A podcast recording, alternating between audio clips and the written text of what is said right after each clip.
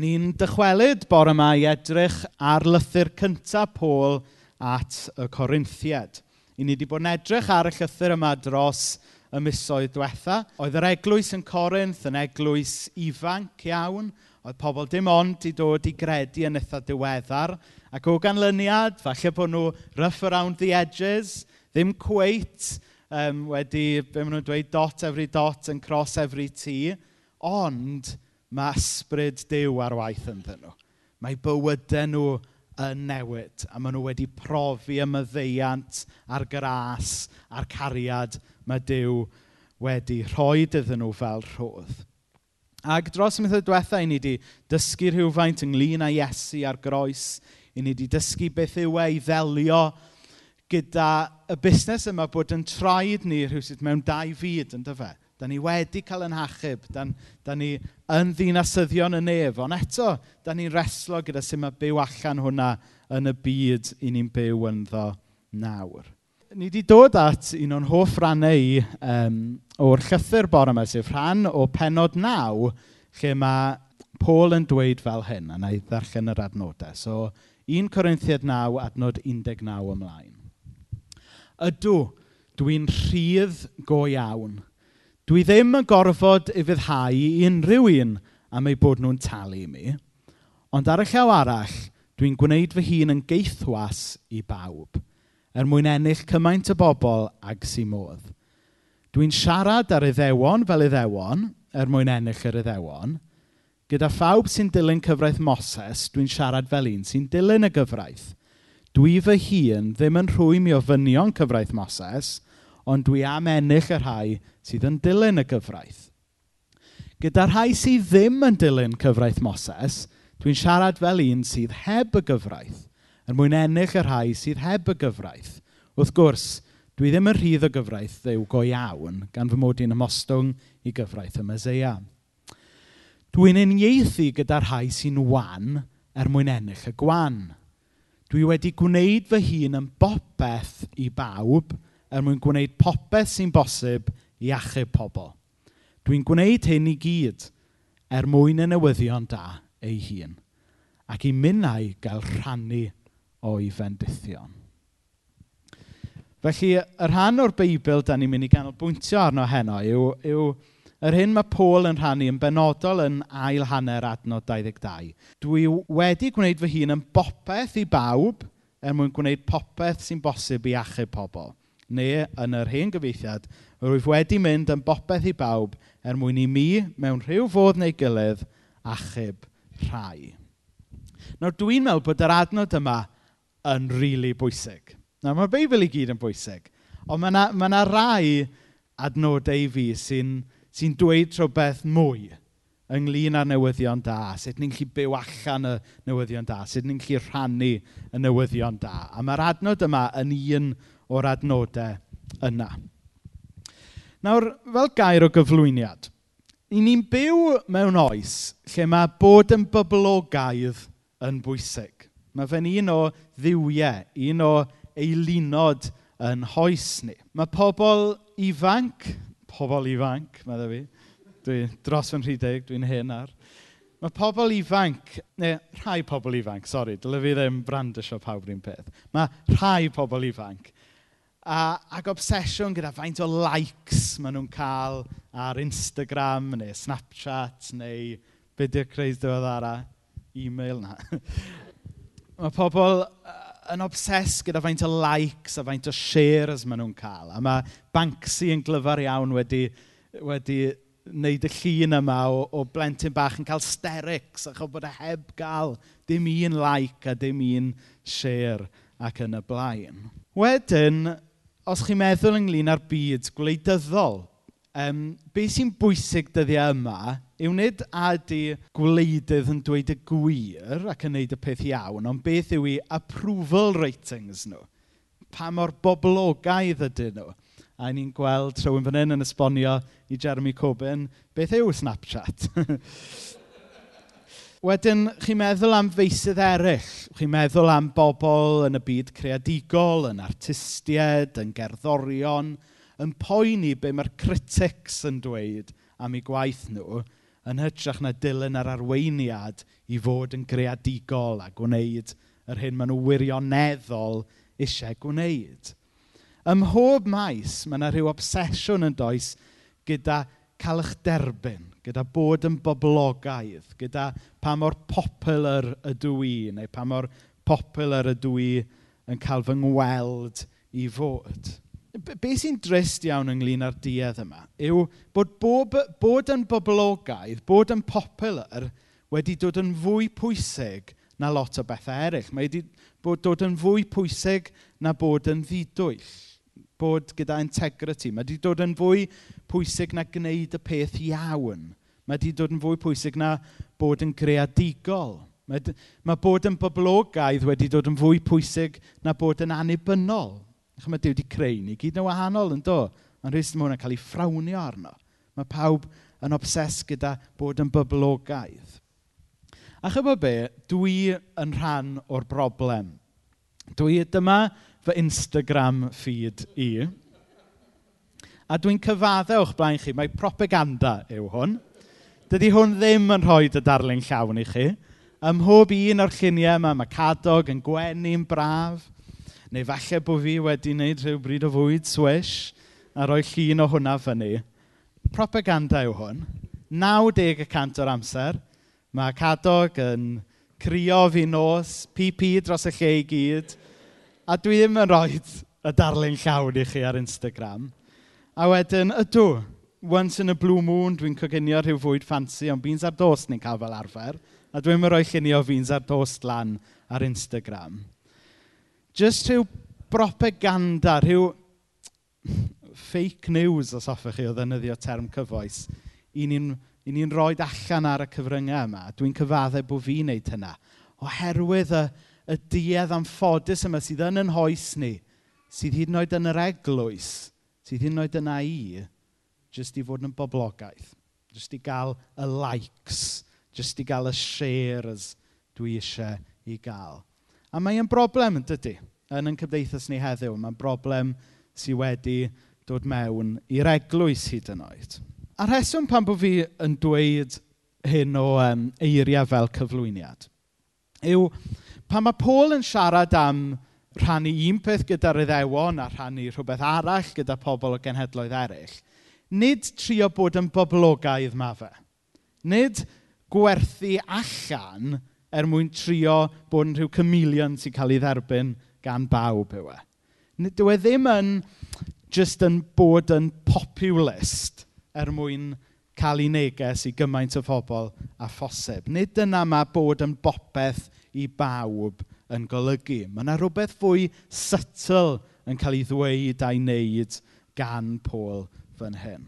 Be mae Paul yn dweud yw fod angen i bawb yn iddewon ac yn groegwyr yn ei amser e, yn yn amser ni, yn bobl Instagram, yn bobl papur dre, yn, yn bobl ochr yna i'r dre, yn bobl ochr yma i'r dre, yn bobl sy'n siarad Cymraeg, yn bobl sy'n siarad Saesneg.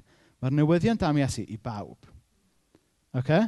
Ond mae'r ffordd da ni'n cyfathrebu'r newyddion da, falle angen bod yn wahanol wrth gyrraedd gwahanol bobl.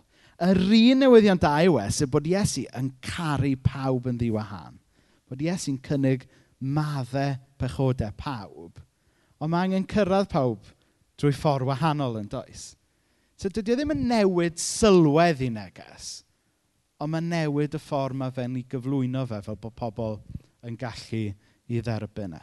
Mae Paul yn dweud bod yn fodlon gadael i fynd o'i trappings diwylliannol addasu'r iaith falle, addasu'r cyfrwng er mwyn cyflwyno yr un newyddion da i bawb. A mae'n bwysig bod ni'n clywed hynna bore yma, dwi'n meddwl. Achos pan da ni'n siarad am grisnogaeth, pan da ni'n siarad am yn ffydd, heb bod ni'n sylwi, da ni'n adio ar gyment o baggage diwylliannol diangen. Meddyliwch chi nawr, fel mae lot o'n chi yma wedi'ch magu yn y Gymru Gymraeg fel fi. A mae un o gyneuon Dafydd Iwan yn darlunio'r peth yn dda iawn o Can yr Ysgol gan Dafydd Iwan. Ac ar y sil, mynd i'r capel oedd fy mraint a darllen Beibl William Morgan yng Nghymru'r Saint. Cymraeg a siaradau yr Iesu am y wyddwn ni, a Chymraeg oedd iaith pob gweddi siŵr i chi. A dyna, oeddwn ni'n meddwl, ynddo fe? Chybod, Iesu Gris, siarad Cymraeg, wrth gwrs. Wrth gwrs oedd e'n siarad Cymraeg. A ni'n meddwl dim gwahanol pan o'n i'n fach. A rywsut bod ni'n cymylu beth, beth yw'r gwahaniaeth rhwng bod yn Gristion a bod yn Gymro. Rywsut meddwl, wel, i fod yn Gristion go iawn, bod rhaid chi ddysgu siarad Cymraeg posh. Rybys. A mae pobl yn meddwl hynny. Mae pobl yn drist iawn yn meddwl hynny. Wedyn, chi sydd wedi'ch magu'n Lloegr, chi ddim off yr.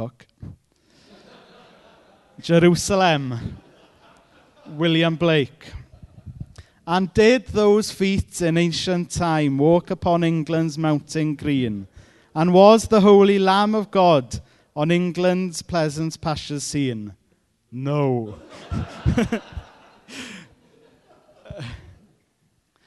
Ond chyfod, be mae'r pennill gan Dafydd Iwan a wedyn y, yr pennill yma o Jerusalem yn dangos yw bod gyda ni rhyw syniad ffals bod ni'n gallu perchnogi Iesu i fod yn rhan o'n diwylliant ni, bod yn masgot ni, a bod ni'n cael pobl eraill allan.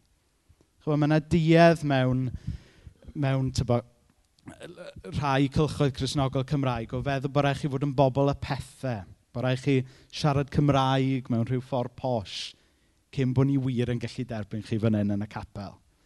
A fi'n siŵr bod yna dueddiadau fel yna mewn rhai cylchoedd yn Lloegr hefyd. Be sy'n tu ôl y duedd yma o feddwl bod Iesu'n siarad Cymraeg a Iesu Grist wedi cerdded bryniau Lloegr yw'r syniad yma, syniad anghywir yma, fod Iesu Grist chydig bach fel ni. Bod e'n edrych fel ni, bod e'n bihafio fel ni. A os chi'n mynd ar Google Images a teipio mewn Jesus Christ, dyma'r pedwar llun cyntaf sy'n dod lan. Dyn gwyn. Dyn gyda gwallt hir, uh, melfed. Mae gwallt eitha brown dy fe fan, actually. Gwallt, gwallt blond o'n i'n meddwl oedd Iesu gyda pan o'n i'n fach. Ni yw, syniad yma bod Iesu chydig bach fel ni, ac felly fod yn gristion, mae rhaid chi newid i fod chydig bach fel ni. Nid yma yw Cresnogaeth. Y newyddion da yw fod Iesu'n caru pawb jyst fel maen nhw. Os ydych chi yn ddi neu yn wyn, yn siarad Cymraeg, yn siarad Saesneg, o gefndir breintiedig, o gefndir tlawd. Mae'r newyddion da i bawb. Doedd Iesu, o leia pan oedd ar y ddeiar, ddim yn siarad Cymraeg. Hynny yw, ar, ar ryw lefel, mae Iesu yn siarad Cymraeg. Chi, chi ddeall beth sy'n gyda fi. Ond, a doedd Iesu ddim wedi cerdded brynu a Lloegr pan oedd e ar y ddeiar. Oedd Iesu actually'n fwy di nag oedd e'n wyn. Oedd e'n fwy cyfforddus yng ngweithdir sair nag oedd e ar llwyfan y seddfogylch. Buodd e'n ffwadur a oedd e ddim yn byw mewn tŷ Watkin Jones. A be mae Paul yn neud yn yr adnod yma ydy helpu ni weld mae ffydd yn Iesu ydy'r newyddion da. Ffydd yn Iesu ydy Cresnogaeth, nid Iesu ffitio mewn i rhyw mold diwylliannol da ni yn ei greu. Oedd Paul yn rhannu y newyddion da am Iesu gyda'r iddewon mewn ffordd bydden nhw yn deall, yn ei diwylliant nhw. Ond oedd e hefyd yn rhannu newyddion da wrth y Corinthiaid a'r groegwyr mewn ffordd bydden nhw yn ei ddeall. Y pwynt yw, doedd dim rhaid i'r groegwyr droi yn iddewon cyn o'n nhw wedyn yn gallu bod yn grisnogion.